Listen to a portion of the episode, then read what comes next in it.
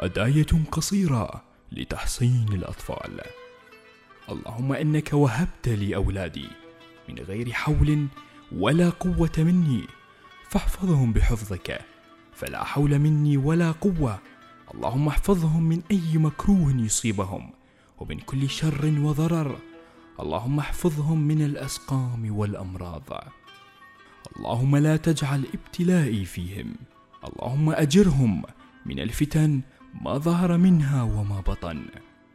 اللهم اجعلهم من صالح عبادك وحفظة كتابك ومن أحسن الناس دينا وعبادة وأخلاقا ومن أسعدهم حياة وأرغدهم عيشة.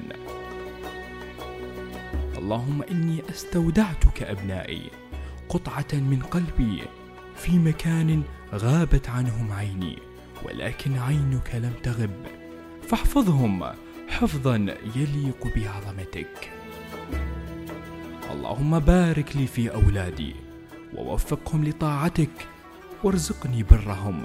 اللهم يا معلم موسى وآدم علمهم. ويا مفهم سليمان فهمهم.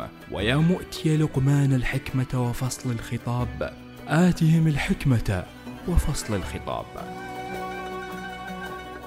اللهم اجعل أبنائي هداة مهتدين غير ضالين ولا مضلين. اللهم جنبهم الفواحش والمحن والزلازل والفتن ما ظهر منها وما بطن. اللهم علمهم ما جهلوا وذكرهم ما نسوا وافتح عليهم من بركات السماء والأرض إنك سميع مجيب الدعوات. اللهم إني أسألك لهم قوة الحفظ وسرعة الفهم وصفاء الذهن. اللهم سلمهم من شر الأشرار آناء الليل وأطراف النهار. واهدهم لما تحبه واغفر لهم يا غفار. اللهم لا تزغ قلوبهم بعد إذ هديتهم. وهب لهم من لدنك رحمة وهيئ لهم من أمرهم رشدا.